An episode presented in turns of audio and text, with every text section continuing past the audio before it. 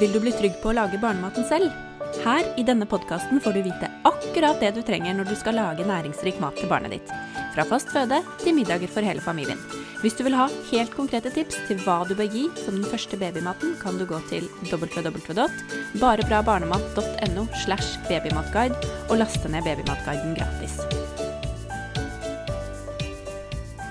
Når bør barna få påskeegg? Og hvordan legge opp til egne tradisjoner med påskeegg som både smaker godt og bidrar med næring til små kropper? Her i denne episoden får du tips til hva du kan putte i påskeegget til de minste. Hei og velkommen til påskespesial! Nå som påsken nærmer seg, så får jeg mange spørsmål om påskeegg og hva som er smart å putte i egget når man ønsker å gi sunnere alternativer.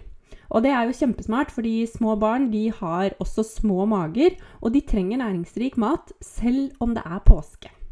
Så det å gi de påskeegg som inneholder mange næringsstoffer, som er proppfulle av viktige stoffer som bygger opp eh, og tar vare på de små kroppene, det er kjempelurt. Og de minste barna de har jo ingen forventninger om hva som skal være i det første påskeegget. Så utnytt da muligheten og fyll det opp med mat som bygger opp både tarmfloraen og som gir hjernen riktig drivstoff. Jeg husker jo når jeg var liten. Da fikk jeg alltid påskeegg proppa med smågodt. Det var sånne påskeharer innpakket i fargerikt sølvpapir, krokodiller, speilegg puter, eh, sure føtter, stupedama-pastiller, og så var det en sånn sure og seige dropslignende godis som alltid satte seg fast i tenna. Det er det jeg husker best fra påskeegget. Og jeg fikk ett påskeegg hjemme, og så fikk jeg ett når jeg var på hytta med pappa. For der kom jo påskeharen med påskeegg. Og så hendte det at jeg fikk eh, påskeegg fra naboen på hytta. Og fra besteforeldrene også. Alle ville jo gi. Og når jeg ser tilbake, så ser jeg jo at eh, det var jo litt i overkant.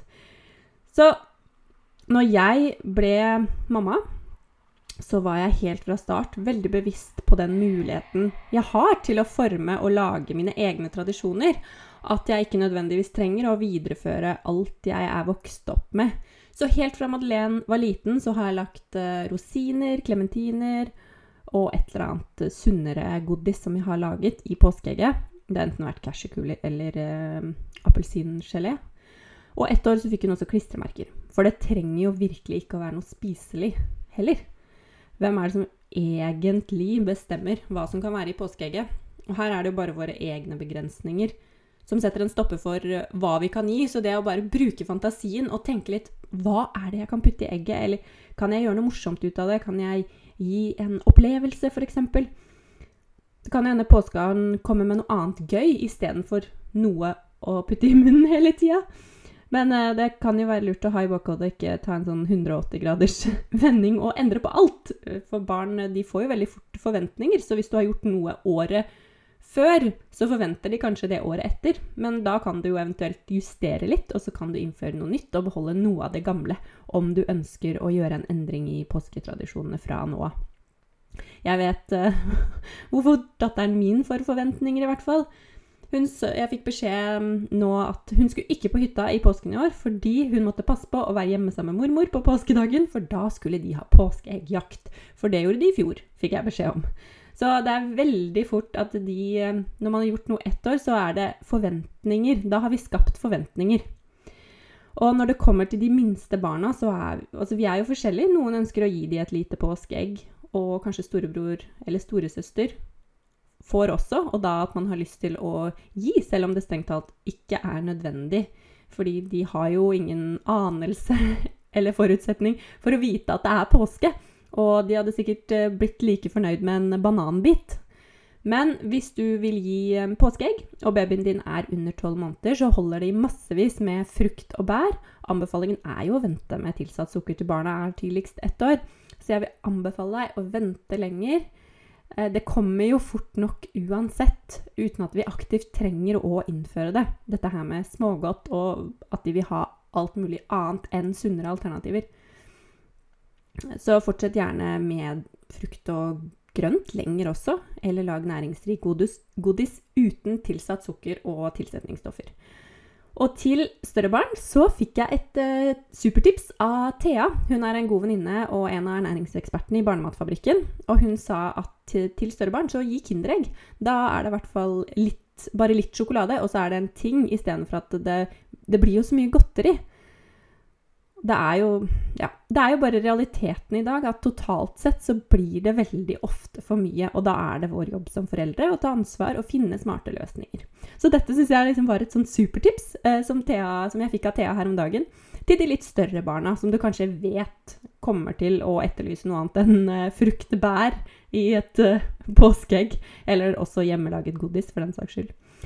Men hvis du vil ha noen tips til eh, hva du kan fylle påskeegget med, så er det altså frukt og bær til de aller minste, i hvert fall. Altså barn under tolv måneder, gi de frukt og bær.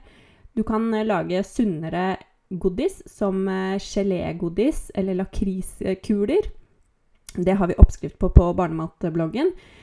Uteaktiviteter. Eh, ta med barna ut i skogen, altså lage en fin lapp at de er ute i skogen. Grille. Kan være kino, ake, skitur osv. Bruk fantasien, rett og slett. Klistremerker eller noe annet småtteri som barnet liker. Kanskje noe tegn, f.eks. Så det er mange, mange gode ting man kan putte i påskeegget, bare man bruker fantasien litt. Og hvis du har lyst til å gi sunnere påskegodis i påskeegget i år, så kan du laste ned smakebiten på Barbara barnemats e-bok Påskesnop. Og den får du på www.barbrabarnemat.no slash paske. Og i smak smakebiten så får du bl.a. Uh, oppskriften på denne superpopulære gelégodisen. Altså det er appelsingelé med sitron. Den er en skikkelig, skikkelig hit her. Så last den ned og lag sunnere godis til påskeegg i år. Håper du har fått noen eh, gode tips, og jeg ønsker deg en eh, god påske.